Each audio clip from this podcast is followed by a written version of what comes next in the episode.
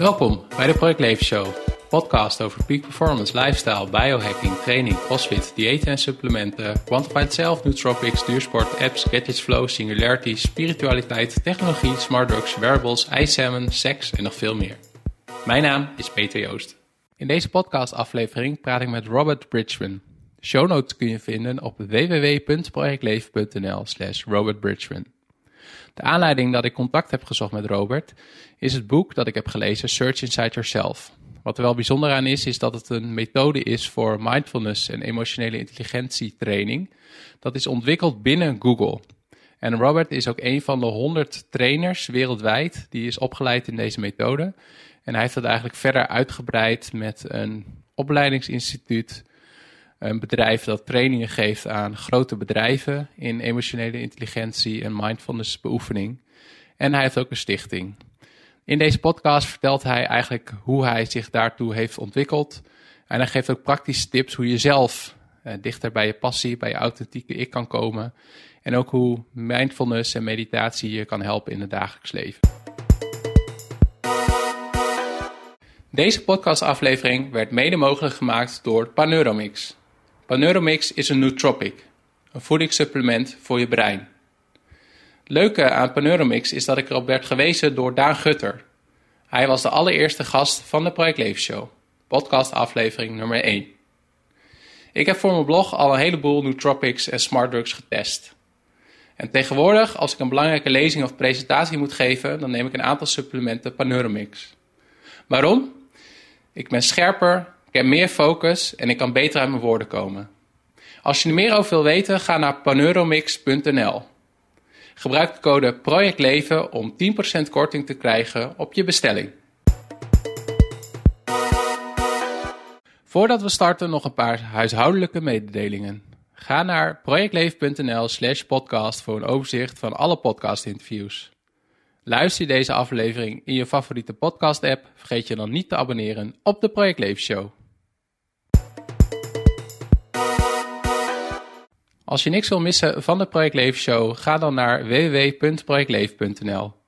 Daar kan je ook inschrijven voor mijn nieuwsbrief en als je dat doet, dan krijg je een gratis cheat sheet met 9 tips voor meer energie en meer focus. Op projectleven.nl vind je ook de links naar mijn social media kanalen, zoals Facebook en Instagram.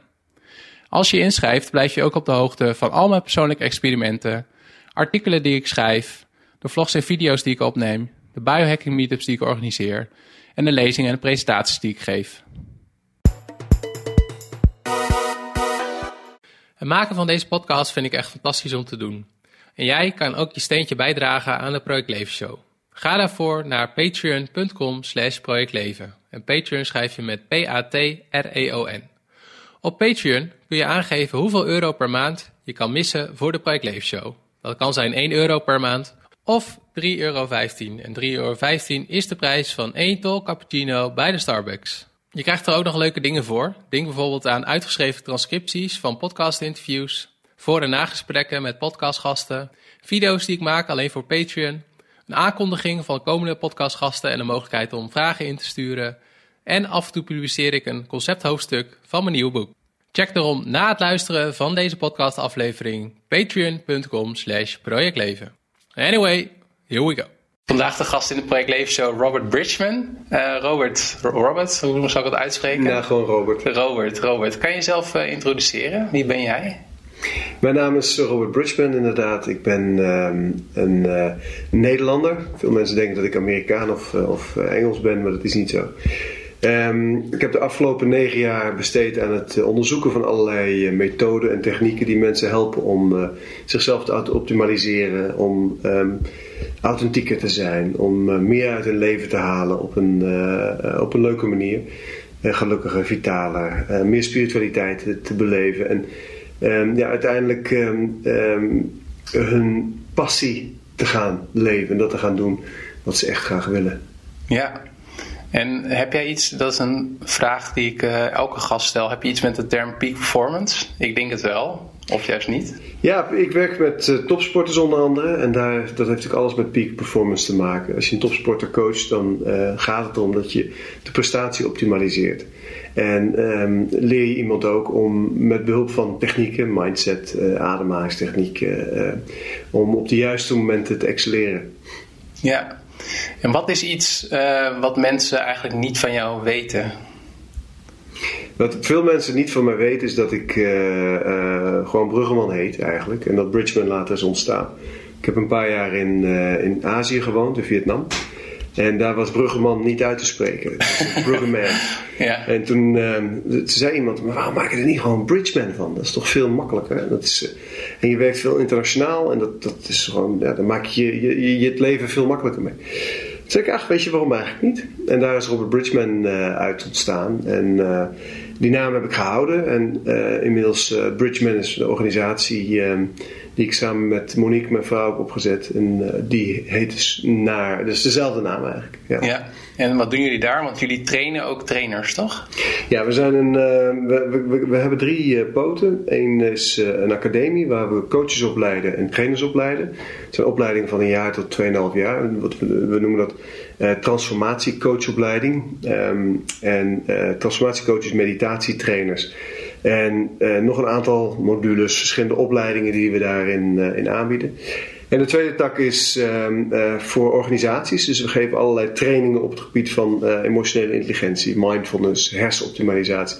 Binnen grote organisaties. En dan mag je denken aan KLM, SAP, Openbaar Ministerie. Ehm, dat, dat, soort dus vrij grote partijen. Um, waar we weer met de trainers werken die we binnen de academie uh, hebben opgeleid. En uh, onze derde tak is de stichting. En vanuit de stichting doen we allerlei projecten voor, uh, voor goede doelen. Dat varieert van kinderen met hechtingstoornissen die we elk jaar meenemen naar Italië voor een droomvakantie. Tot fundraisers, tot documentaires die we maken over ja, zaken die ons echt aan het hart gaan. Ik heb nu net een documentaire gemaakt over die pijpleiding in Amerika. De, de onderdrukking van de Noord-Amerikaanse Indianen. Een van de meest spirituele volken ter wereld wordt daar onderdrukt eh, door de Amerikaanse overheid. Zoals de Chinezen de Tibetanen onderdrukken. En um, uh, we zijn nu bezig met een uh, film over de vleesconsumptie uh, in Nederland. Dus Nederland, de eerste is een internationale, de tweede is een Nederlandse film. En om, ja, om, om te laten zien wat dat doet met, het, met ons milieu, maar ook met gezondheid en met het welzijn van die dieren. Uh, dus dat zijn zeg maar de drie takken van, uh, van Bridgman. Ja, en hoe hou je dat allemaal draaiende? Goede mensen. Goede mensen. Ja, we hebben een heel, heel goed team. Uh, een, een kernteam waarmee we werken. En daaromheen goed opgeleide trainers en coaches. Die gewoon fantastisch werk afleveren. En waar we heel intens mee, mee samenwerken. Vijf jaar hebben we bestaan sinds 5 mei 2017. vijf jaar. Ja. Dus we hebben eigenlijk net het, een groot feest gehad. Ja. ja, wat leuk. En ik ben straks nog wel benieuwd naar je verhalen over Vietnam. En ik weet ook dat je nog naar veel meer landen bent geweest. Ja. Maar een, ik, een boek wat mij heel erg aansprak, dat ligt ook voor me, is Search Inside Yourself. Ja. Ik vond dat dat op een hele praktische manier eigenlijk de voordelen van mediteren en mindfulness liet zien. Zeker. Um, en jij bent, jij bent ook een van de honderd uh, mensen die ook gecertificeerd is in die methodiek. Klopt dat? Ja, dat klopt. In 2000, Search Inside Yourself is een mindfulness-based emotional intelligence training. De allereerste training ter wereld waar je emotionele intelligentie kunt trainen door middel van uh, mindfulness beoefening. En dat is niet alleen mediteren, maar dat zijn allerlei technieken, gesprekstechnieken, communicatievaardigheden, tot uh, veerkracht ontwikkelen, uh, empathie, zelfmanagement, zelfvertrouwen. En dat, dat, is een, dat is ontwikkeld binnen Google, in samenwerking met Stanford University. En dat is eigenlijk wereldwijd gegaan. Dus grote clubs als LinkedIn en uh, veel universiteiten die maken gebruik van deze methode. Het zijn trainingen. En in 2012 woonde ik in Vietnam. En uh, toen ben ik uitgenodigd om uh, de allereerste keer dat ze buiten Google een training gaven om daarbij te komen. En sindsdien ben ik aangesloten. Heb een leraaropleiding gedaan in 2014.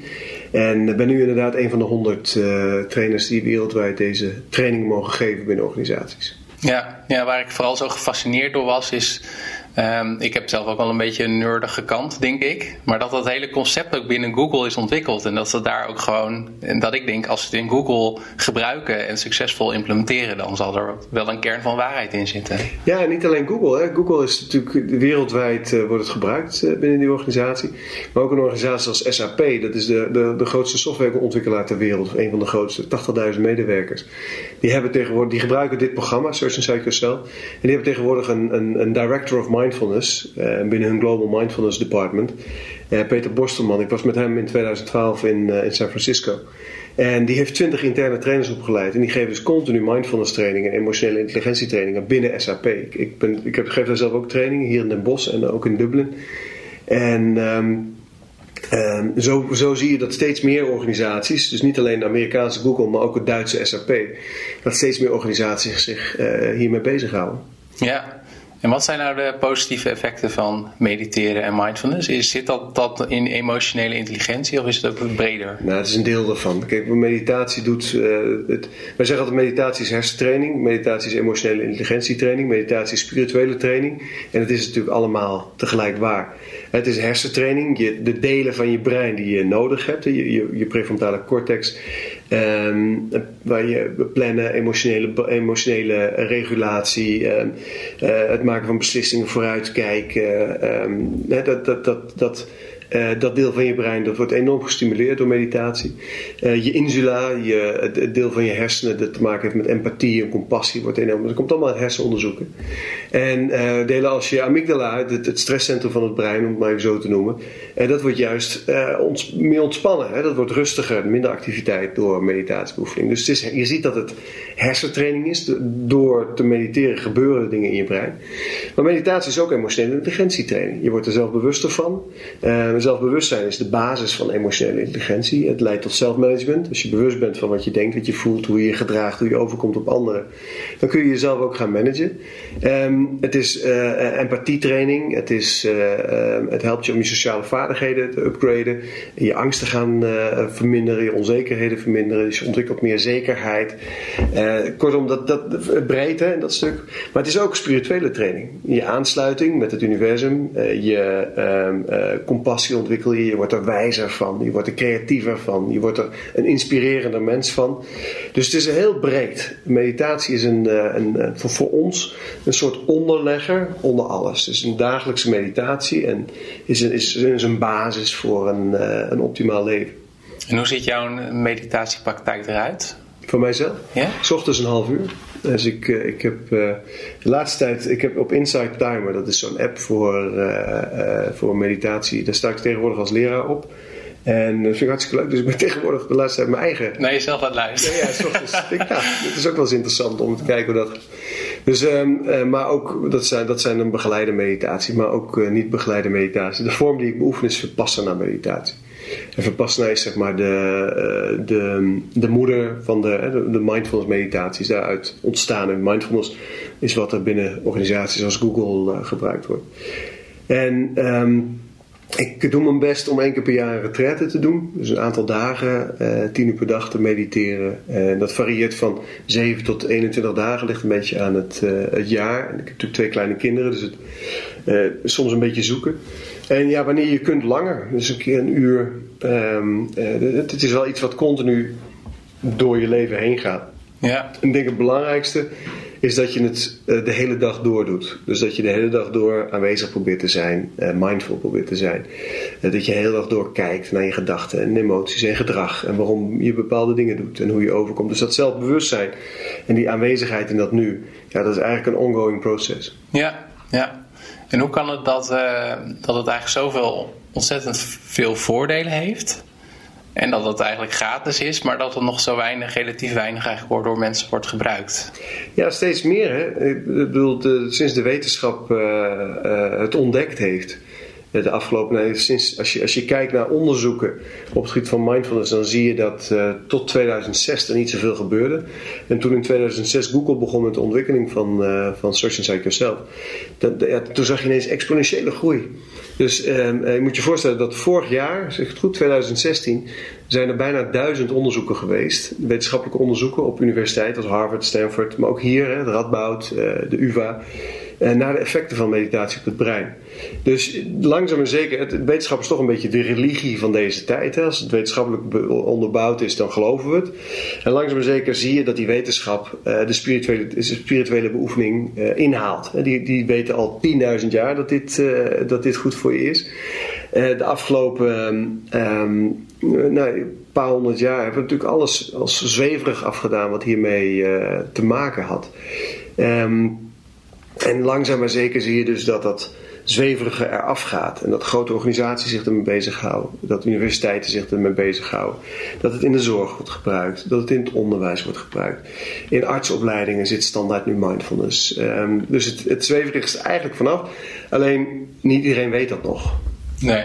Nee, en het wordt ook in het leger toegepast, begrepen? Ja, in het leger. Al heeft ja. het dan meer het, uh, dat, uh, bij wijze dat scherpschutters beter kunnen schieten. Heb ik wel eens gehoord. Ja, of veteranen hè, die, eh, die er baat bij hebben, en bij PTSS en dergelijke. Maar ook gewoon uh, soldaten, brandweermannen, politie. Om te optimaliseren. De politie die mediteert ook. Er zijn 40.000 agenten in Nederland getraind in, in. Um, Waarvan ze zijn 40.000 agenten aan het trainen. Dat is een proces van jaren. De, de Defensie die doet yoga met Johan Noorloos, de, de, de bekendste yogaleraar van Nederland.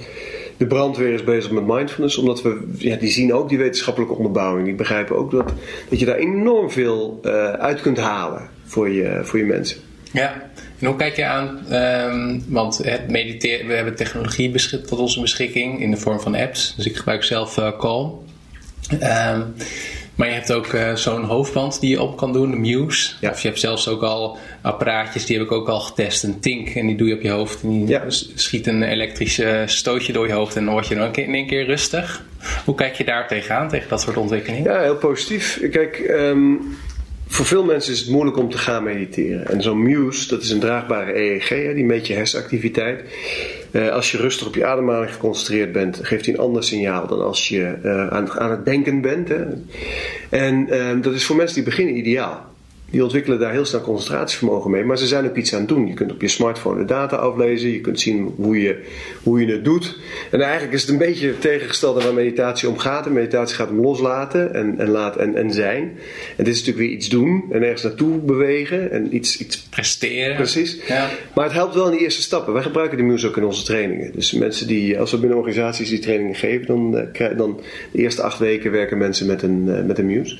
De Think gebruik ik regelmatig zelf. Vind ik een ideaal apparaatje, omdat het, het, het stimuleert je zenuwstelsel, je parasympathische ontspanning en je sympathisch zenuwstelsel, je, je energie. Dus als ik ga hardlopen of ga trainen, dan zet ik hem wel eens op. Zeker als het 's ochtends vroeg is en ik heb eigenlijk geen zin. Of ik, uh, uh, dan kun je met ademhaling werken. Er zijn een hele mooie ademhalingstechnieken om je sympathisch zenuwstelsel te activeren en meer uh, energie te hebben. Maar zo'n think is ook super makkelijk. Binnen 10 minuten ben je boem, in staat van paraatheid. En omgekeerd ook in ontspanningszin werkt hij ook fantastisch. Hè. En in slaap, uh, uh, er zijn onderzoeken waaruit blijkt dat het beter werkt dan melatonine. Uh, dus het zijn, ja, ik vind het hele fijne gadgets. De, je hebt natuurlijk tegenwoordig de 11 en je hebt de, de, de, de wat hele ding ook weer met die blue light. Uh, de IO? De IO, die heb ik ook IO. boven liggen. Ja, weet je, geweldig. En het zijn mooie opstappen waarin mensen leren: oké, okay, dus dit kan. Ja. Deze beïnvloeding kan ik hebben op mijn zenuwstelsel en mijn brein. En dan is de volgende stap om te leren hoe je dat zonder die apparaten kan. Ja. Want dat kan ook gewoon. Ja. Nee, dat, dat beeld klopt ook wel hoe het bij mij is gegaan. Want ik test ook die dingen om. Uh, en ik was dan laatst ook op televisie en dan had ik ook die Muse op. En dan, hebben, en dan laat ik die ook die andere dingen zien. En dan hebben mensen het idee dat ik dat alleen maar aan het doen ben. Maar dat, ik gebruik die technologie eigenlijk alleen maar om nog af en toe te kalibreren. Van, oh ja, ik doe het weer eens op. En dan ja. kijken hoe, hoe goed ik nou aan het mediteren ben eigenlijk. Ja. En uh, hoe ben je in, in uh, Vietnam verzeild geraakt? Ja, um, dat was in 2000. Mijn leven is, totaal veranderd in 2008. Ik was directeur van een, een, uh, een dienstverleningsbedrijf in de bouw. Ik had 80 medewerkers. En uh, er zijn toen een aantal dingen gebeurd waardoor ik uit dat leven ben gestapt, zeg maar. Ik, ik heb alles toen achter me gelaten. En ik ben toen mezelf gaan ontwikkelen. En ik heb een aantal ervaringen gehad, verlichtingservaringen. Daar schrijf ik ook over in mijn eerste boek, Start vandaag met lichte leven. En um, in, die, in, die, in die ervaringen zijn heel veel dingen waar ik mee zat. Dus bepaald gedrag, um, uh, bepaalde verslavingen, um, bepaalde uh, gedachten, negatieve emoties, trauma's, blokkades zijn weggevallen. En door een paar hele intense meditatieervaringen eigenlijk. En toen veranderde ik zo totaal. Ik verloor 30 kilo aan gewicht. En ik werd een totaal ander mens. Ik dacht, hoe kan dit? Hoe kan het nou dat je uh, zo snel, zo kunt transformeren. Alles waar ik mijn hele leven tegenaan had gelopen, was ineens weg. En toen dacht ik, oké, dan ga ik dit onderzoeken. En dat onderzoek is toen begonnen, eerst in Nederland, workshops, training. Ik heb toen een sabbatical genomen. En op een dag zeiden mijn vrouw en ik tegen elkaar, uh, waarom gaan we niet naar Vietnam? En we zijn eigenlijk zo op de Bonnefoy naartoe gegaan. Was dat, jullie waren nog niet eerder geweest of wel? Zij wel, ik, ik niet. En ehm, zij had daar een keer een reis gemaakt met, Monique had daar een keer een reis gemaakt met een vriendin. En ehm, ehm, maar uh, ja, het, het, was, ik voelde me daar direct thuis. Het is een prachtig land. En we hebben meer gedaan. We zijn een maand, een maand in Thailand geweest, een maand in India, een maand in Nepal. En, dus we hebben best wel die regio daar. Uh, Maleisië en Hongkong en al die uh, plekken geweest. Ja. Heel veel bij meesters gestudeerd. Um, sommige waar we één keer naartoe gingen om een tijdje bij te zijn. Andere waar we voor anderhalf jaar regelmatig naartoe gingen. en zo... Um, ja, zo, zo hebben we ons daar ontwikkeld en een, een buitengewoon mooie periode gehad. Ja, ja, wat gaaf zeg. Want weet je nog waar jullie zaten dan in Vietnam? Uh, ja, nou en of. We zaten in Ho Chi Minh City, oh, ja. uh, Saigon. Ja. En uh, daar heb je een wijk, een expatwijk, dat heet um, An Phu. En eigenlijk wonen alle westerse, westerse expats, expats in, in, in die stad. concentreren zich daar, wonen natuurlijk ook op andere plekken, maar ze concentreren zich daar. En daar zijn we toen een eh, centrum begonnen voor coaching, eh, voor eh, meditatie, yoga. En dat ging eigenlijk heel leuk. We hebben daar mensen uit, nou, denk, we hebben toen een keer geteld, iets van 24 verschillende landen getraind.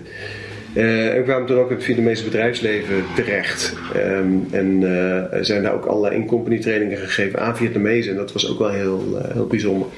Dus al met al was het een hele ja, magische tijd, kan ik haast wel zeggen. Ja, ja en ik, ik heb zelf gereisd door vanaf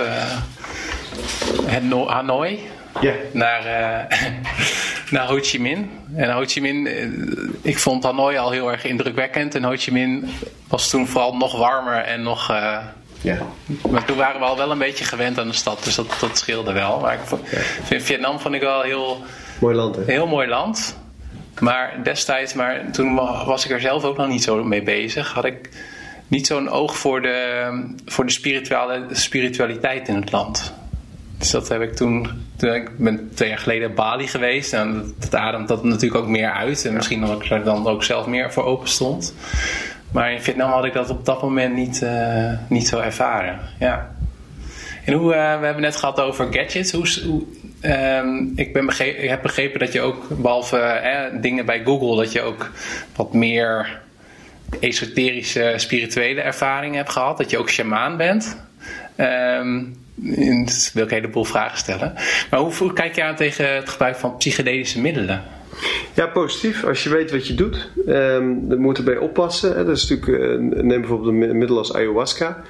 Um, als je dat doet bij een, uh, een uh, shamaan uit Zuid-Amerika die het met de paplepel heeft ingegoten en die de plant kent en met name de energie of de entiteit waar de plant voor staat begrijpt en doorgrond dan kun je dat prima doen. Maar ik, hoor ook dat uh, in kerken met honderd man tegelijk uh, de ceremonies worden gedaan.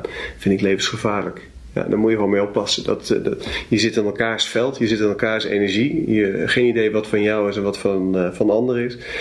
Um, ik we hebben meegemaakt dat mensen daar echt hele slechte ervaringen mee hebben gehad. Tot en met zelfmoord toe. Dus ik ben daar wel wat voorzichtig in. En ik vind ayahuasca geweldig, mits juist begeleid. Mhm. En als ik het doe, ik heb het zelf uh, wel eens gedaan, dan doe ik het één op één met, een, uh, met, een, uh, met iemand die dat begeleidt. Niet in een, niet in een groep, om te voorkomen dat je ja, met andermans zooi naar buiten gaat, zeg maar. Um, dus ik sta daar wel heel erg positief tegenover. Je ziet ook wel dat alle grote meditatieleraren uh, in Amerika uh, vooral, dat die ook die twee ontwikkelingen, dus de technologische ontwikkeling en de, en de ontwikkeling van de psychedelische middelen, uh, zien als, een, als de volgende stap in de, in de meditatiebeoefening. Het, het, helpt je. En die, die, de techniek helpt je om een soort basis te leggen. En die psychedelica helpt je om sneller tot een bepaalde ontwikkeling door te gaan. En je kunt, krijgt snelle inzichten, je kunt zijn bepaalde stukken makkelijker loslaten. En uh, het, het versnelt gewoon het proces. Ja, ja, ja, ik heb zelf ook een keer ayahuasca mee gedaan. Een reis noemen ze dat, hè? Een reis meegemaakt. Ja. Vond ik wel heel intens, omdat ik tot die tijd eigenlijk niet zoveel spirituele ervaring had. Of überhaupt ervaring met psychedelische middelen. Maar ik vond het wel een hele intense ervaring. Maar daar werd inderdaad ook al gezegd van wat jij zegt. Van nou ja, kijk wel waar je het doet en, uh, ja. en hoe je dat doet. Waar ik wel benieuwd naar ben is, uh, wat was eigenlijk de meest uh, indrukwekkende ervaring die je hebt gehad? Want je bent ook in Israël geweest. Het, het ja, het, leest echt als een soort van jongensboek, uh, wat jij eigenlijk in die tijd hebt gedaan. Welk boek heb je gelezen? Uh, was het niet de eerste of de tweede? Stad van het lichte leven. Ja. ja. Um, de meest indrukwekkende ervaringen, het, er, zijn, er zijn er veel van. Um, eentje was uh, uh, een ervaring die ik had tijdens een meditatieretraite, waarin ik ineens één met alles werd en was. En er heel veel van me afviel. En um, Um, sindsdien heb ik ook um, ja, bepaalde uh, helderziende, helderwetende vermogens. Heb ik daar aan die ervaring overgehouden. Vandaag van is daar weer geïnitieerd, geopend. Wat een hele mooie ervaring was, was de eerste keer dat ik op de Kilimanjaro stond. In mijn korte broek. met ontbloot bovenlijf bij min 20 met Wim Hof, de, de ijsman. Ja. Zijn allereerste groeps Kilimanjaro-expeditie ben ik toen uh, mee geweest. En ja, wat, wat, wat ongelooflijk indrukwekkend is, zijn die meesters in Azië die dwars door je heen kijken en die uh, zo, zo ver zijn in hun ontwikkeling. Dat het voor ons als, uh, als, als uh, simpele westerling een soort van oneindigheid is waar je in kijkt. En de lessen die je daar krijgt en de energie die je daar voelt. Ja, is fantastisch. Ja, ja. En ehm, ik ben zelf best wel rationeel ingesteld. En ik probeer me de laatste tijd wel meer te openen voor, voor een groter bewustzijn en spirituele groei. Maar ik merk dat ik het toch wel lastig vind. Ik denk, ik denk aan dat jij in jouw cliënten, hè, in de zakenwereld of überhaupt, dat je dat ook wel veel tegenkomt. Wat, is daar, wat zeg je tegen mensen als ik? Of hoe wil je mensen het laten? Ja, dat het logisch is dat je het lastig vindt. Ik bedoel, moet je je voorstellen dat uh, spiritualiteit heel normaal was. En uh, op een gegeven moment kwam de kerk. Uh, en die begonnen dat af te straffen. De, de christelijke kerk, in, uh, uh, zo in de, in, de in de vierde eeuw uh, na Christus werd dat echt, werd dat, kwam dat heel erg op in Europa. En er zijn er een aantal concilies of bijeenkomsten, zijn de regels bepaald. En de regels van, nou wat komt er dan in de Bijbel te staan? De regels met Vader, Zoon, Heilige Geest, de vrouw eruit. En ook de regels dat de enige manier om bij God te komen via de kerk was. En vanaf dat moment is natuurlijk ketterij ontstaan. En alles, ieder, alle orakels, zieners, uh, healers, uh, shamanen, uh, die hebben het ja, toch wel met de dood moeten bekopen. Hè? Er zijn toen meer dan een miljoen mensen vermoord in die periode. Nou ja, je moet je voorstellen dat er nog niet zoveel mensen in Europa woonden. Dan praat je ook maar over een paar, misschien 10 miljoen mensen.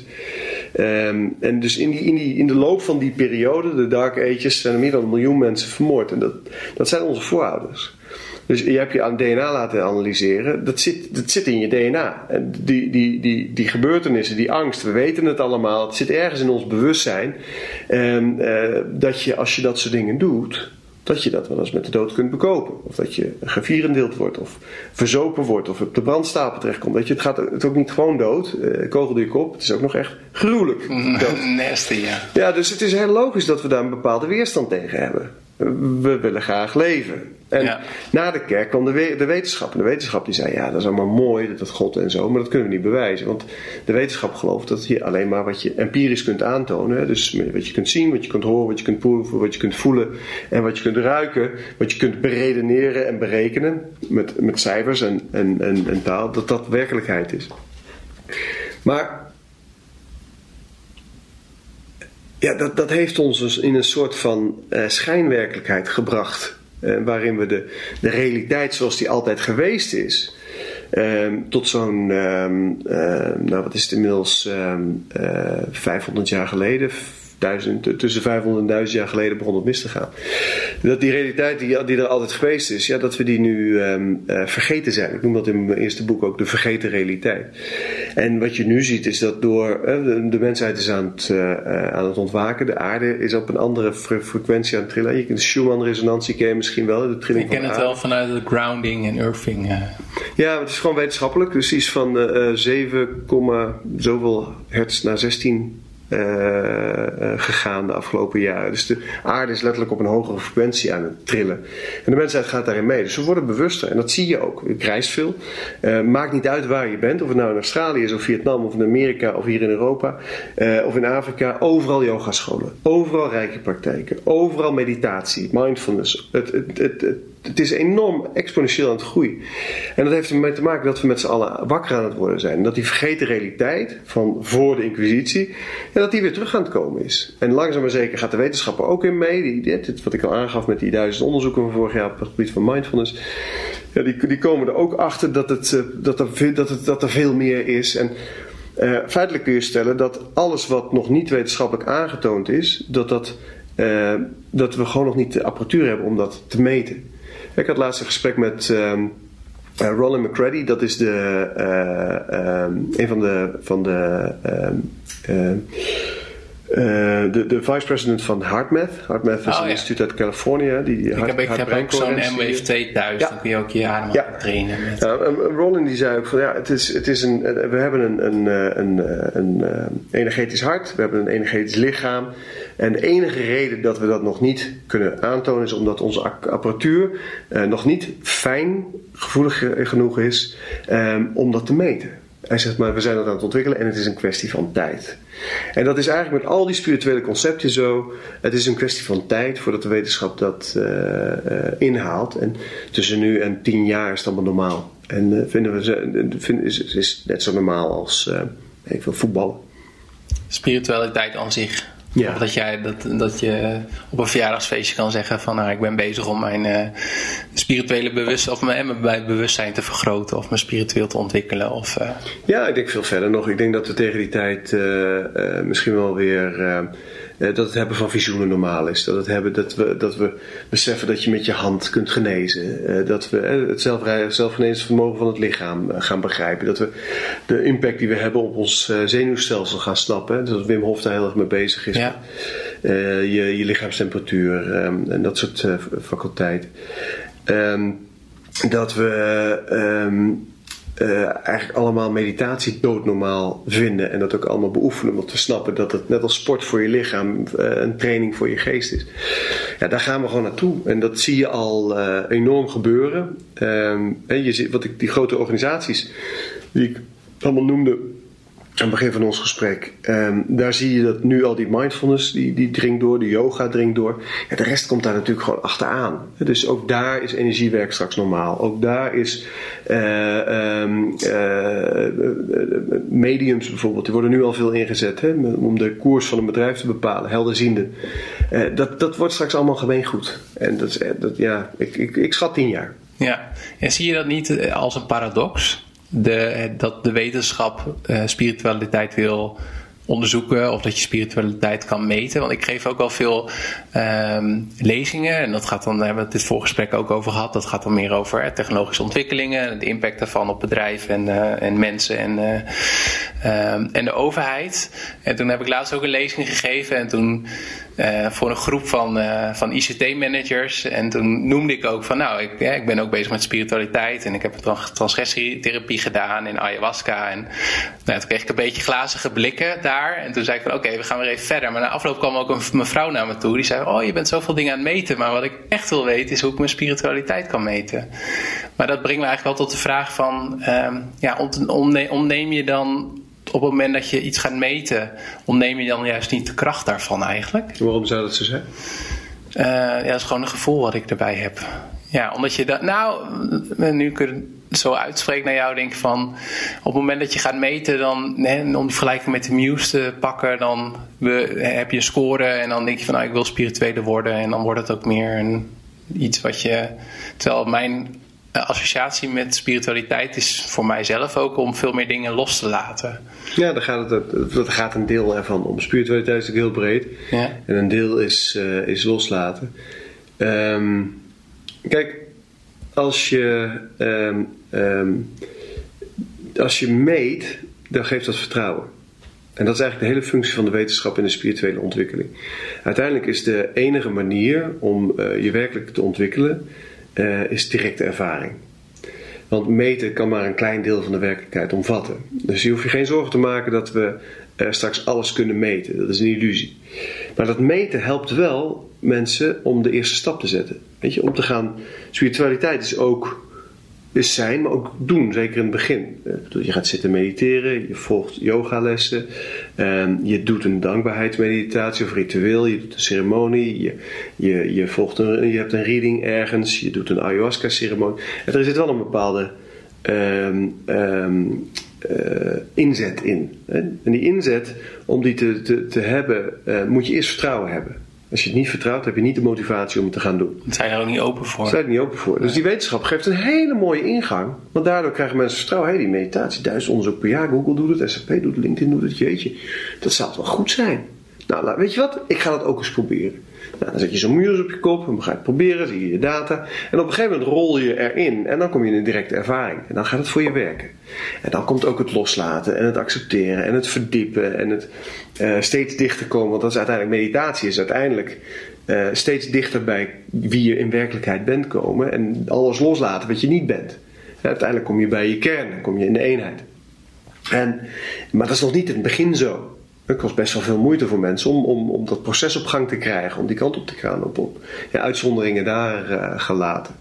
Dus wat dat betreft maak me daar geen enkele zorgen over en juich ik het juist toe. Laat maar meten, want meten gaat de, uh, de grootste deel van de bevolking, die nu nog wat afhoudend is, helpen om die eerste stappen te zetten en zich te gaan uh, ontwikkelen. Ja, dat heb ik ook gelezen of gehoord in een interview uh, dat jij met iemand hebt gegeven. Is dat je ook zegt van we zijn überhaupt als mensheid nu ook op een kantelpunt. Dus ja. je noemde net al de, uh, de frequentie van de aarde. Maar uh, ik kan me herinneren dat je ook zei van nou ook als je kijkt naar astrologie.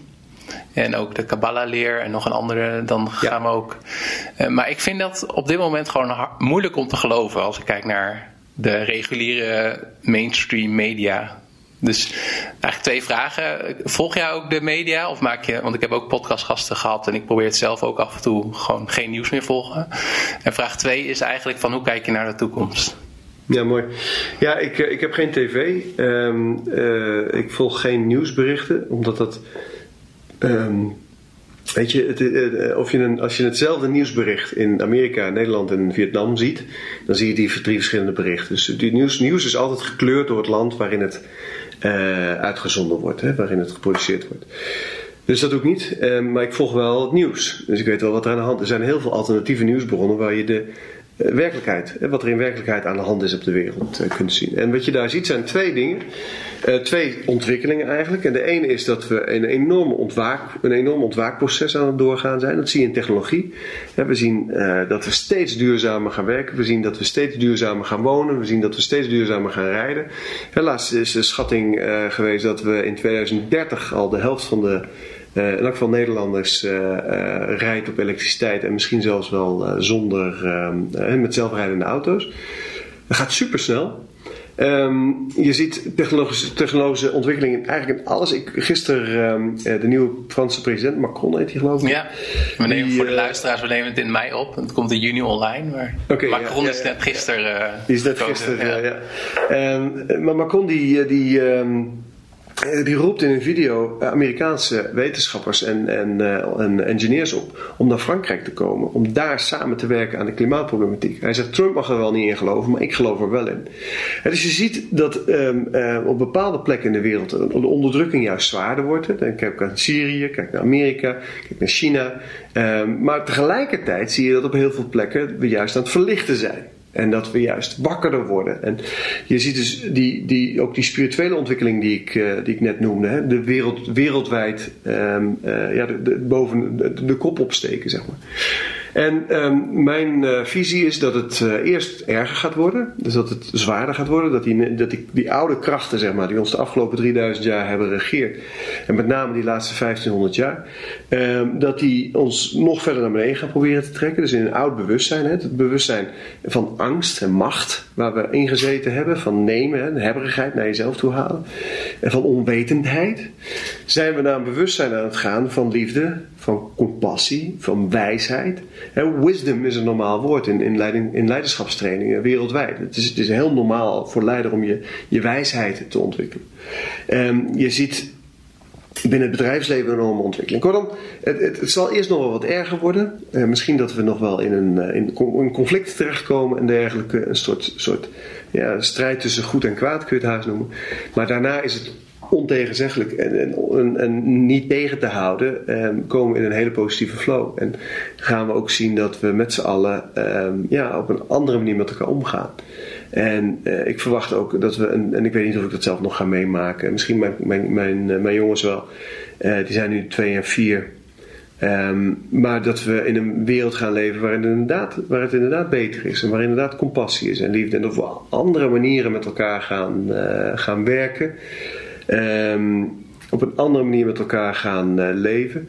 En je ziet in het, in het bedrijfsleven al dat, uh, ik weet niet of het model holocratie jou iets zegt. Ja, dat zegt me wel wat, ja. Waarbij dus niet meer vanuit een hiërarchisch aangestuurde organisatie, hè, dat hele piramidedenken is weg, maar waar het veel meer om consensus gaat. Hè. Wat de Indianen eigenlijk vroeger, de, dus natuurvolken leefden in consensus. Er was niet één leider. Er, er moest consensus zijn in, in de hele stam voordat een beslissing gemaakt werd. Um, dat zie je nu terugkomen. Dus de, de, de ene leider aan de top, die is, aan, dat, dat, die, die is langzaam en zeker aan het verdwijnen. En je krijgt een cirkel van mensen die allemaal een eigen rol en, en, um, authenticiteit hebben. En um, die vanuit die rol bijdragen aan het geheel. En besluitvorming gaat dus veel meer in consensus plaatsvinden. Nou, dat zullen we de komende jaren gaan zien. Dat dus uh, zowel in, uh, in uh, bedrijven, maar ook in landen. Uh, dat we op een andere manier met elkaar omgaan. Dat een samenleving op een andere. Je ziet steeds meer corporaties ontstaan. Hè. Banken hebben tegenwoordig al rekeningen voor uh, corporaties of coöperatieve woonvormen, woonvormen waar mensen weer samen gaan wonen. Je ziet steeds meer mensen weer teruggaan uh, naar het zelf verbouwen van eten, van, van, van groenten en dergelijke. Je ziet een enorme ontwikkeling. Ik was laatst bij Hans Dagenvos op Wageningen University. Die uh, uh, vertelde me over uh, vegetariërs en flexitariërs. En dan is, moet ik even nadenken, maar meer dan 50% van de Nederlanders eet al minder dan twee keer per week vlees. het aantal vegetariërs en veganisten is enorm aan het toenemen. kortom, je ziet een, een, een, als je het nieuws volgt, zie je een negatieve beweging. Ja. Trump en, en Syrië en er. Maar als je de werkelijkheid volgt dan zie je dat er eigenlijk een hele positieve beweging gaande is. Ja, ja, dat is wel interessant. Ik had daar ook over in podcast uh, nummer 28 met Jury van Geest. Die is van Singularity University. Ja. Misschien, ja. ja die is wel een groep die er heel erg meer vanuit... Wat ik wel leuk vind is dat jij het heel erg benadert vanuit uh, het perspectief van uh, bewustzijn en spirituele groei. En zij meer vanuit de, de, technologische ontwikkelingen die er gaan. Als je het hebt over zonne-energie en, en zelfrijdende auto's en drones en et cetera. Maar ik vind het wel heel fascinerend. En um, als ik er dan een cynische vraag stel van... Zit het niet in, in de mens om, uh, in het instinct van de mens om oorlog te voeren en uh, conflicten aan te gaan? Nou, zat de afgelopen 3000 jaar wel. Kijk, uiteindelijk is het natuurlijk. Um, um, die vraag: is de mens inherent goed of kwaad? Die is eigenlijk heel eenvoudig te beantwoorden. Als je um, kijkt naar wat is de essentie van de mens? Als je kijkt naar wie, wat is een mens in, in, zijn, in, in, in zijn kern.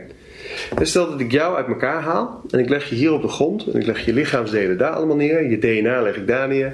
Ik leg je emotionele stukken en je trauma's en je pijn en je, en je blijdschap en je geluk leg ik daar allemaal neer. Ik leg je gedachten en je geheugen en je herinneringen en je wilskracht en je perceptie en dat leg ik allemaal daar neer. Ik leg je, je aansluiting met het hogere, je, je hoge zelf, je ziel leg ik allemaal daar neer. Welk deel kun je dan aanwijzen? Nou, dat, dat ben ik, dat is mijn essentie. Uh, ik denk dan meer in, in, in die hoek. Ja, ik wijs nu voor de luisteraars, luister ik naar mijn connectie met de bovenste. Of, ja, of het, het is juist één geheel. Ja, dat vind ik moeilijk. Als je jouw auto uit elkaar haalt en je legt alle onderdelen van die auto neer, welk onderdeel kun je dan oppakken en zeggen: Dit is de kern van de auto? Ja, ze hebben elkaar allemaal nodig. Precies. Ja. Het is een concept. Zelfs als je de motor zou zeggen, als je die motor uit elkaar trekt, wat is dan de essentie van die motor? Ja. Die auto bestaat uit delen en die delen noemen we samen auto. Maar er is geen kern in die auto. En zo is het met de mens ook. De mens bestaat uit een heleboel onderdelen die, we, die samen het concept mens vormen. Maar uiteindelijk is de mens niets. Er is geen essentie, er is geen ik, er is geen uh, uh, um, kernpunt. En als je niets bent, dan ben je tegelijkertijd alles. Dus in dat, in dat, als je op die manier aanvliegt, dat gewoon logisch nadenken is, dan, ja, dan ontdek je eigenlijk in een paar stappen, en dit is nog mentaal, in de meditatie leer je dit te ervaren, dan ontdek je in een paar stappen dat je niets bent, maar dat je tegelijkertijd één bent met alles. En die eenheid, dat noem je het universum, uh, waarover wordt gezegd. Hè, de, een mens is, is, is het universum in de tijdelijke verschijningsvorm van een mens. Dat zijn woorden van Eckhart Tolle. Je kunt het zien als een oceaan. De, universum is de oceaan. De mensen zijn golven op die oceaan. Ze komen op, ze zijn er even, gaan weer onder. En um, als, je, als je dat beseft. En beseft dat, dat we dus allemaal onderdeel zijn van het grote geheel. En dan gaat kijken wat voor trilling heeft dat grote geheel nou eigenlijk in essentie.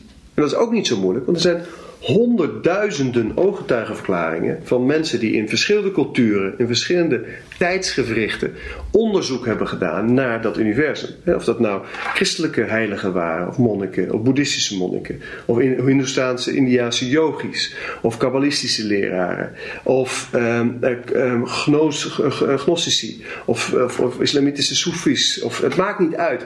Iedereen die zich in de loop der eeuwen eh, of duizenden jaren, of sinds mensenheugenis, eh, met eh, ehm, het, het, vinden van de kern bezig heeft gehouden, zijn stuk voor stuk teruggekomen met hetzelfde. De kern is liefde. Ja. Toch? Of het nou God is, of het universum is, of Boeddha is, of Samadhi is, of het maakt niet uit. Je, de kern, de essentie is liefde. Dus in essentie is een mens liefde. Dus is helemaal geen vraag of het goed of een mens goed of slecht is. In essentie is de mens liefde. En al het andere is aangeleerd. Dus de afgelopen 3000 jaar hebben we in een, in een lage bewustzijnstrilling van, van de planeet geleefd. Mm -hmm. waardoor er veel negativiteit is uh, ontstaan. We, we, in een bewustzijn van angst en macht hebben geleefd. En nu zie je dat die frequentie opgaat. En dat we dus weer dichter bij onze werkelijke, uh, uh, bij onze kern komen. En dus ja, langzaam maar zeker weer de liefdevolle wezens worden die we in essentie zijn. Ik word wel heel uh, optimistisch van, uh, van dit gesprek tot nu toe. Mooi. Is het, uh, ik wil nog wel weer een stapje praktischer. Ehm, in de trainingen die, uh, die jullie vanuit Bridgman geven, wat is naast meditatie eigenlijk het, het, het meest gebruikte of het meest succesvol toegepaste handvat die je mensen kan geven? Ja, er zijn er veel. Um, ik heb meditatie was, is zo uh, danig groot dat we een aparte training van een meditatietrainersopleiding van hebben gemaakt. Um, onze, de hoofdopleiding binnen Bridgman is de transformatiecoachopleiding. En wij leren coaches, psychologen, healers, trainers, maar het zijn ook vaak mensen um, uit het bedrijfsleven of mensen die, die, met allerlei verschillende achtergronden die coach willen worden of al coach zijn, leren we om uh, mensen, andere mensen echt te helpen transformeren. Dus andere mensen helpen om in contact te komen met hun kern door het transformeren van alles wat ertussen zit. En als je kijkt wat zit er nou tussen, tussen jou en je kern, dan is dat bijvoorbeeld jouw relaties met de buitenwereld. Dus hoe optimaliseer je je relaties? Hoe maak je die authentiek en echt? Eh, je persoonlijkheid, dus je gedrag, je karakter. Um, hoe zorg je ervoor dat je daar uh, in, in, in optimaliseert? Dat je, um, je je, hebt, je hebt authentiek gedrag en niet authentiek gedrag. Authentiek gedrag ben je mee geboren. Niet authentiek gedrag is je aangeleerd in de loop van je leven. Dan kun je dus ook weer afleren. Uh, je fysieke lichaam, hoe authentiek is dat? Hè? Hoe lekker zit je in je vel? Um, en het maakt niet uit of je dik of dun bent, maar hoe, hoe, um, hoe ben je in contact met dat, uh, met dat lichaam? Je emotionele, emotionele staat van zijn. Hoe, in hoeverre hou je van jezelf? Zelfliefde is essentie voor geluk. Maar ook, wat heb je aan blokkades? Uh, aan emotionele blokkades, aan trauma's van vroeger, aan, aan, aan wonden waar je mee zit. Um, mentaal uh, zit daar nog tussen. Dus wat negatieve gedachten, beperkende overtuigingen. En welke overtuigingen zijn nou van jou en welke heb je overgenomen van je ouders? Of leraren op school of vrienden? Um, als je dat allemaal uitzoekt, dan kom je steeds dichter. Hè? Dus als je loslaat wie je niet bent, kom je steeds dichter bij wie je wel bent. Nou, en dat is een, om dat te doen hebben we uh, eigenlijk een verzameling van 33 methoden die we de afgelopen negen jaar hebben onderzocht. Het zijn er inmiddels meer, maar we hebben het op 33 uh, uh, gehaald, vonden we een mooi getal. um, die 33 methoden, daar hebben we allerlei technieken uitgehaald, die we, waar we of weer nieuwe technieken van hebben gemaakt, of die we gebruiken zoals uh, zoals ze zijn. En met die technieken bewerkstelligen we dat wat ik je net vertelde. Dus op al die lagen uh, authentiek worden. En steeds dichter bij je essentie komen. En als je steeds dichter bij je essentie komt, ja, dan word je steeds gelukkiger. Je wordt steeds wijzer. Je wordt steeds inspirerender. Uh, je wordt steeds creatiever. Je wordt steeds liefdevoller. Steeds meer compassievol. Kortom, je gaat lichter leven. En dus de weg daar naartoe helpt je daar al mee. En hoe langer je dat doet, En hoe langer je daarmee bezighoudt, hoe lichter het leven wordt en hoe makkelijker het leven wordt. En op een gegeven moment ga je uh, synchroniciteit ervaren. Je denkt iets en het gebeurt. Je voelt iets en het is er al. En dat, dat kun je ontwikkelen en trainen. En dan ga je kijken, oké, wat is nou eigenlijk mijn passie? En niet wat ben ik gaan doen, omdat ja, mijn vader zei dat ik het moest doen, of omdat ik dacht, nou, er zit werkgelegenheid in, of dat ik dacht, nou, daar kan ik veel geld mee verdienen. Nee, wat is er nou toen je geboren werd en in de loop van je jeugd naar boven gekomen waar je eigenlijk voor kwam? Wat kwam je nou doen op deze planeet? Waarvoor ben je geboren? Dat er is een reden voor. Je hebt een missie, je zielsmissie. Als je die vindt en gaat leven, dan merk je dat ineens het hele universum opent voor je. Dat je de mensen tegenkomt die je nodig hebt, de ervaringen, de hulpbronnen, alles ontstaat ineens. En dat leren wij mensen. Dus zo diep gaat het. En wij leiden dus coaches op die dat bij anderen kunnen bewerkstelligen. En daar hebben we programma's voor. Um, Lichte Leven programma, het, Zijn Wie Je Bent programma. En, um, om mensen handvatten te geven om dat ook op een, op een goede manier uh, te kunnen doen. Dus als je, de, als je vraagt van nou, wat, wat heb je naast meditatie nog meer aan methoden, dan is dat een heel scala aan methoden ja, die we op een nieuwe manier hebben ingericht, waardoor je tot, ja, tot nieuwe resultaten kunt komen. Ja, nou, dat, dat is niet mis. Als ik, als ik zo hoor van uh, blokkades, trauma's, uh, om dat allemaal te helen. En, uh, heb je het idee dat jij nu je levensmissie vervult, je zielsmissie? Ja, tot op een, een, een grote hoogte zeker. Uh, maar wij zijn ook continu aan het kijken, klopt het wat we doen?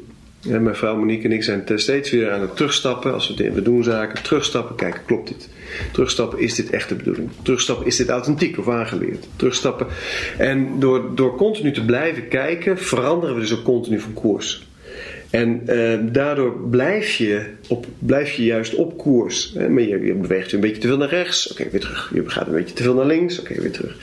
En uiteindelijk kom je daar waar je, uh, waar je wilt zijn. En uh, als ik kijk naar wat ik nu doe. Ik heb de, de, de, de, de academie, Bridgman Academy, opgericht. We doen veel in het bedrijfsleven. Dat vind ik, vind ik leuk om te doen. Dat is niet mijn grootste passie, maar vind ik leuk om te doen. Ik maak films, ik schrijf boeken, ik heb een fantastisch gezin. Um, dus mijn buitenwereld, zeg maar, die, die, is, die is behoorlijk uh, voldoeninggevend. Het belangrijkste echt is van binnen.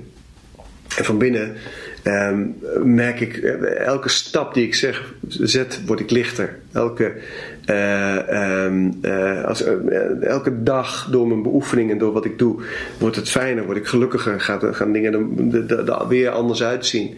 Um, dus ja, als mijn, mijn zielsmissie, als je het zo wil noemen, is het, is het inspireren van anderen hiermee. En ook het inspireren van wat ik lichtwerkers noem. Hè? Mensen zoals ik, die, en volgens mij ben jij er ook een, die de taak hebben om andere mensen te helpen om wakker te worden. Om in dat nieuwe bewustzijn te stappen.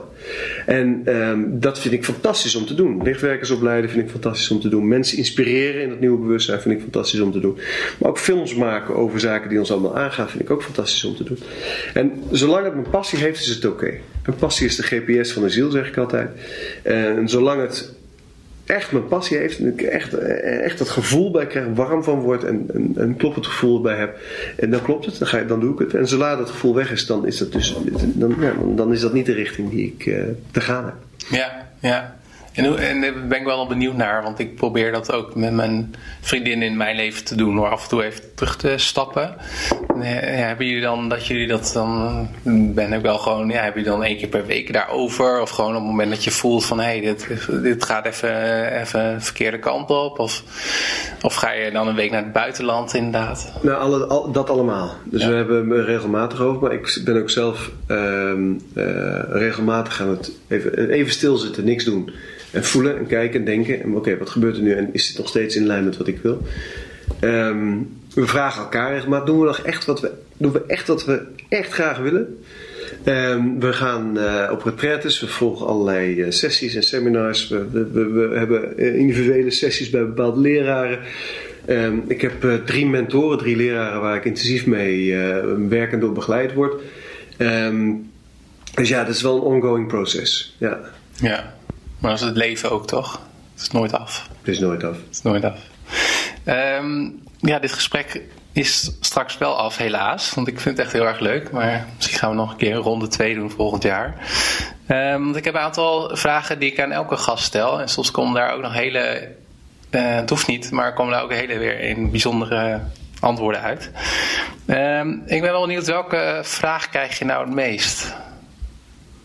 Afgezien van uh, je achternaam. ja, die vraag die krijg ik inderdaad. Um, de vraag die ik, die ik het meest krijg tegenwoordig is: wat is authenticiteit? Ik heb het natuurlijk over uh, authentiek zijn, je authentieke leven leiden, de meest authentieke versie van jezelf zijn. En mensen vragen vaak: wat is dat dan, dat authentiek zijn? En um, dat is wat ik je net heb uitgelegd. Hè? Dus het, het, het, loslaten wat je niet bent, tot je bent wie je wel bent. Een authentiek lichaam, uh, authentiek gedrag. En ik, toen ik, in, ik, ik, heb in de bouw gezeten, dat heb ik je verteld. Ik was directeur van een, uh, een, een, bouwbedrijf. En um, ik was daar goed in. Maar het was niet mijn authentieke uh, het was niet authentiek voor me om dat te doen. Dus ik, ik werd daar ook niet gelukkig van. En nu ik doe waar ik voor gekomen ben, en dus in mijn authenticiteit in mijn werk heb gevonden, ja, nu vind ik wel mijn, mijn geluk en mijn voldoening in wat, ik, uh, in wat ik doe en met name ook in wat ik ben. Um, dus dat, dat, dat is het antwoord, denk ik. Ja, authenticiteit. Ja. Hoe zien de eerste 60 minuten eruit als je je ogen open doet s ochtends? Nadat je je ogen open doet s ochtends? Ja, dat ligt een beetje aan welke dag het is. Als het, uh, uh, ik twee dagen in de week sport ik al s ochtends om uh, half zeven. dus dan, is het, dan sta ik om zeg maar, rond half zes op. En ga ik naar beneden met mijn yoga, ademhaling, meditatie. Um, en um, van daaruit ga ik naar mijn trainer toe. En is het een een, uh, een uurtje boksen, zeg maar. Um, op dagen dat dat niet zo is, sta ik iets later op. En, uh, maar dan is het in principe hetzelfde idee. Uh, mediteren, oefeningen mediteren.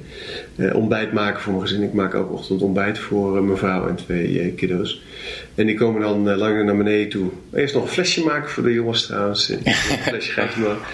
En dan ontbijt maken en dan komt het hele gezin naar beneden. Ontbijten we samen en daarna is het douchen en dan begint de dag. Ja, en je bokst, zei je? Of, ja. ja. Okay. Ja. ja. wel, uh, ik heb het in mijn studententijd een tijdje gedaan. Het is wel een... Uh, ja, dan zie je het wel eens op tv en denk je van, nou ja, tien rondes keer drie minuten. Wat uh, ja, stelt het voor? Dat doe, dat doe ik niet. Ah, okay. nee, het is Defense Lab heet het. Het is oh, een, ja. een, een, vrij high-tech manier van zelfverdediging. en dat is, en dat is ja, van alles tegelijk krijg je daar. Maar ik vind het heel, ik vind het heel leuk om te doen. Ja, ja. heel uh, divers, heel cross, uh, crossachtig. Ja. En um, uh, vanochtend, wat heb je vanochtend ontbeten? Ei en groente. Ja. Tomaat, bleekselderij, komkommer. En ben je flexitariër of vegetariër? Ik ben uh, vegetariër tegen het veganistische aan. Dus ik uh, eet in principe geen uh, vlees. hele enkele keer vis en een hele enkele keer kip. Um, maar uh, eieren eet ik wel en geitenkaasproducten, maar koemelkproducten ook nauwelijks eigenlijk. Dus het, het is um, uh, ja, er tegenaan, zeg maar. Ja. En um, heb je een gewoonte die andere mensen bizar, raar of vreemd vinden? Dat is een mooie vraag. Heb ik een gewoonte die andere mensen bizar, raar of vreemd vinden? Nou, dat ligt eraan wie het is. Ik denk dat er mensen zijn heel bizar, raar of vreemd vinden als je elke dag uh, gaat zitten mediteren. Um, maar verder denk ik niet dat ik echt hele rare gewoontes heb. Nee. Wat is de grootste misvatting die er over jou heerst? Dat je denkt.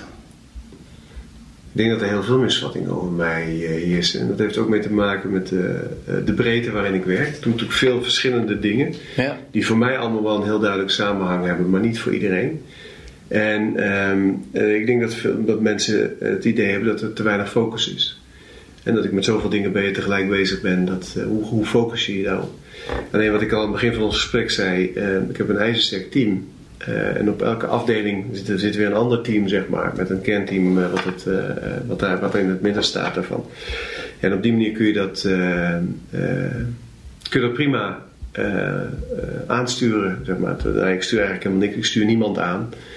Iedereen die bij ons werkt is, is, is Het is al holocratisch model. Het is al wel redelijk holocratisch inderdaad, ja, ja. ja.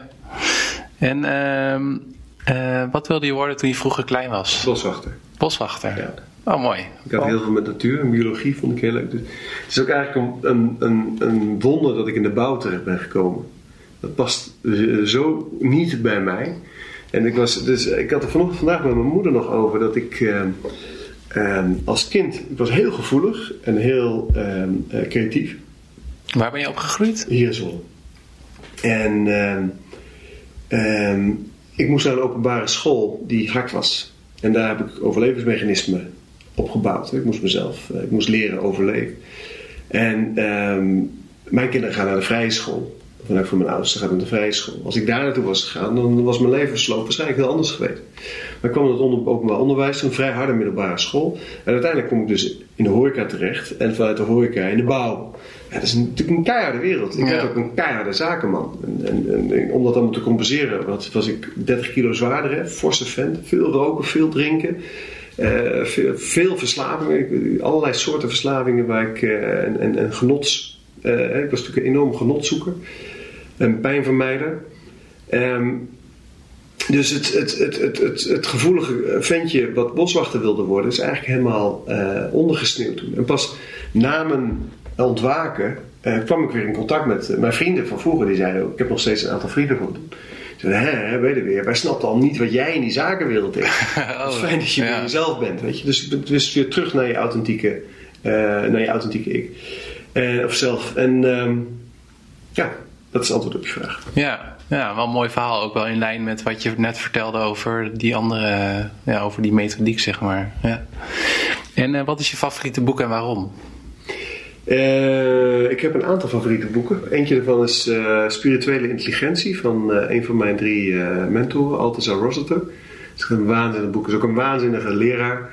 Ehm, die ehm, ehm, ja, ook een methode heeft ontwikkeld die mensen direct contact geeft met hun spirituele intelligentie. Dat is natuurlijk iets wat steeds meer speelt. Hè. Je, jij noemde Yuri, Singularity University. Die gaf onlangs een interview met presentator van BNR. Ik ben even zijn naam kwijt. Ehm, maakt ook niet uit. Maar eh, die Yuri heeft het daar ook over spirituele intelligentie. hè. De- de- Dat, dat interview dat heet eh, Met technologie alleen gaan we het niet redden. Ah ja. Die heeft het over emotionele intelligentie, over, eh, maar ook over spirituele intelligentie.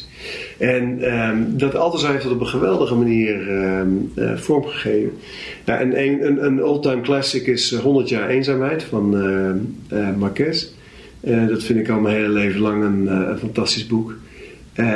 Ehm, ik zit even te denken. en Ik, eh, eh, de- de- de- En even te spieken naar de en even boekenkast. te kijken naar de boekenkast inderdaad. Wat, wat, eh, wat, wat zijn mijn lievelingsboeken ook alweer? eh?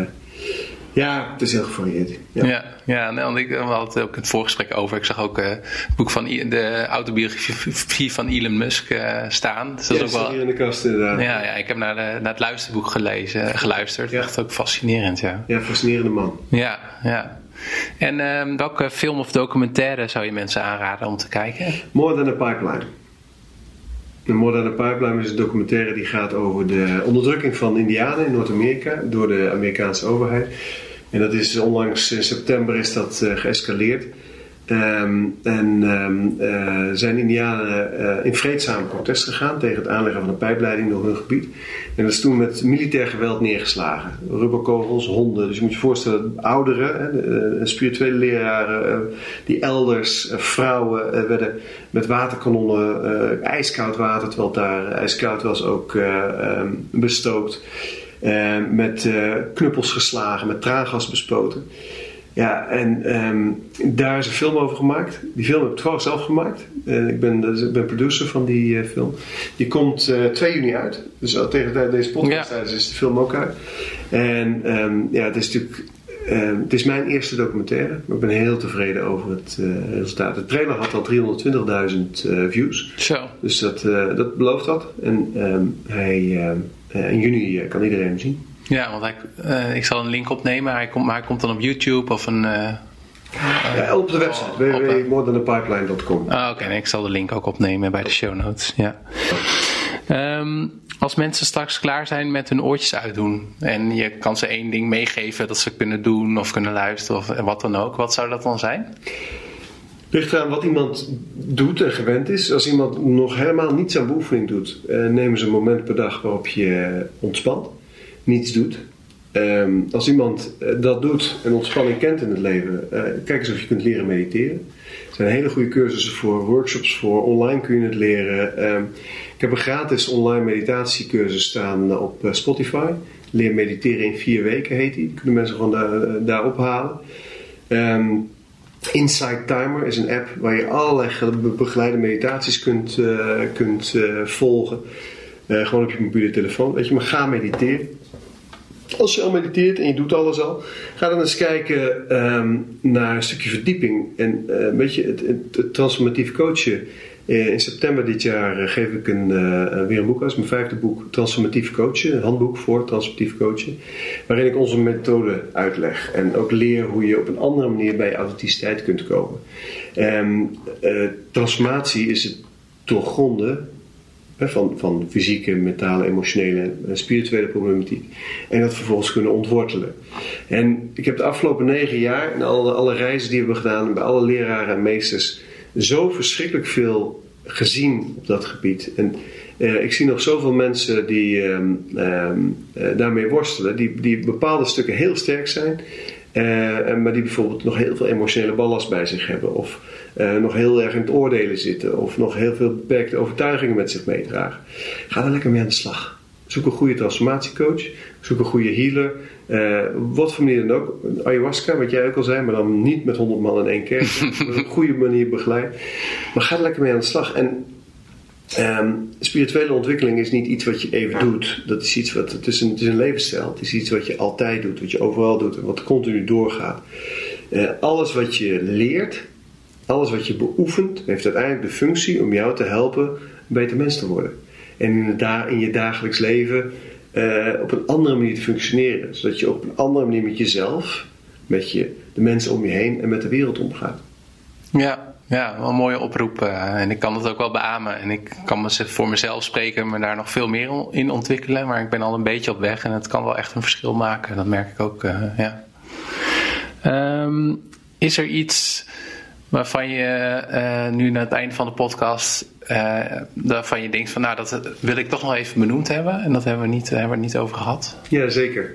Kijk, eh, de, de, de reden dat ik uh, transformatief coaches of lichtwerkers opleid, de reden dat ik meditatietrainers opleid, dat ik in het bedrijfsleven trainers inzet, dat ik films maak en boeken schrijf, is om zoveel mogelijk mensen te helpen om die transformatie te maken van uh, angst en macht naar liefde en wijsheid.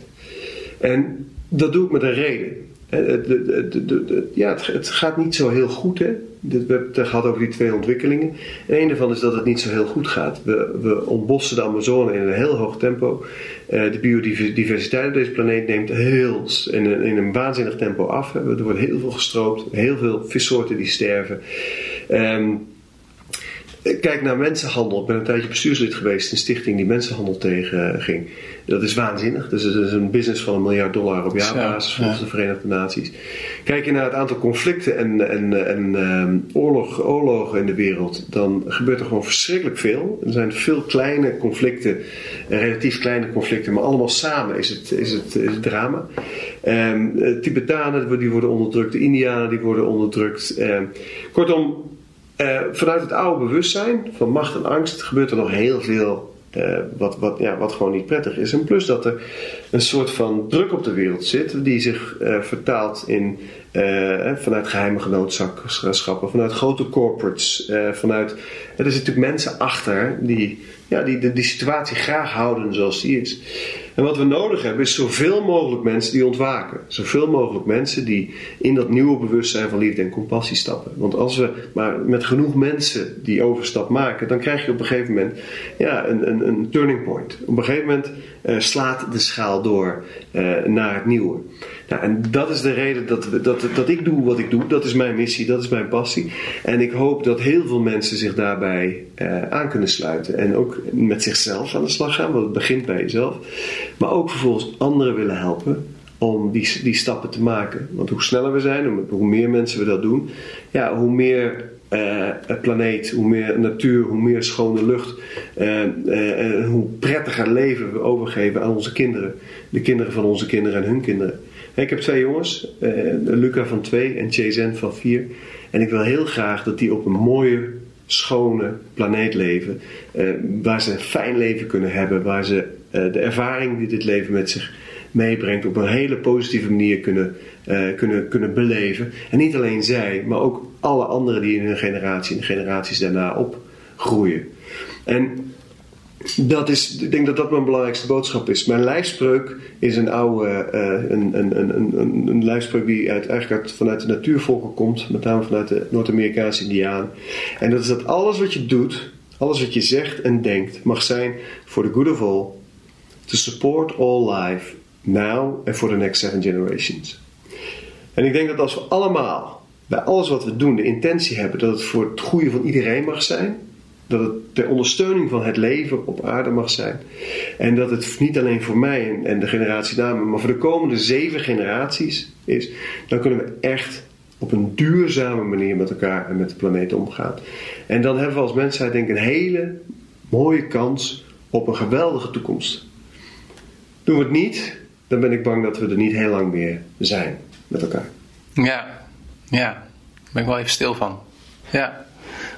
Mooie, ja, mooie oproep ook, want dat, uh, veel is mijn, zijn mijn gesprekken ook gericht hè, op het individu en hoe kun je jezelf optimaliseren. Maar ik vind het wel mooi om te zien van, nou ja, ook de, wat je uitspreekt, van ja, dat je, het begint ook vanuit jezelf, hè, om jezelf te helen, om, om daaruit, en vanuit daaruit dat je ook uh, kan nadenken over de impact die je hebt op de rest eigenlijk van, uh, van het leven. Ja. Um, um, mijn, nog twee vragen.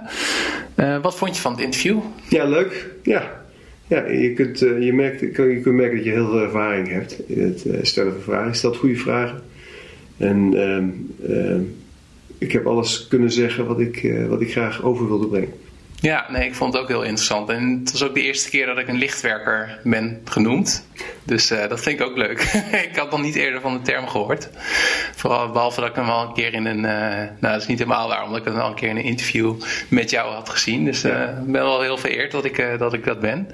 Um, als mensen meer willen weten over jou en je methode en je stichting, et cetera, waar kunnen ze jou vinden op internet en social media? Ja, dat is heel simpel. Um, onze academie staat op bridgeman.nl. En ik heb zelf een online inspiratieplatform waar je voor een heel klein bedrag per maand lid van kunt worden. En daar zijn allerlei podcasts en uh, webinars en uh, video's en uh, allerlei inspiratiemateriaal. En dat is www.robertbridgman.nl. Nou, hartstikke goed. Dankjewel Robert voor dit gesprek. Dankjewel Peter.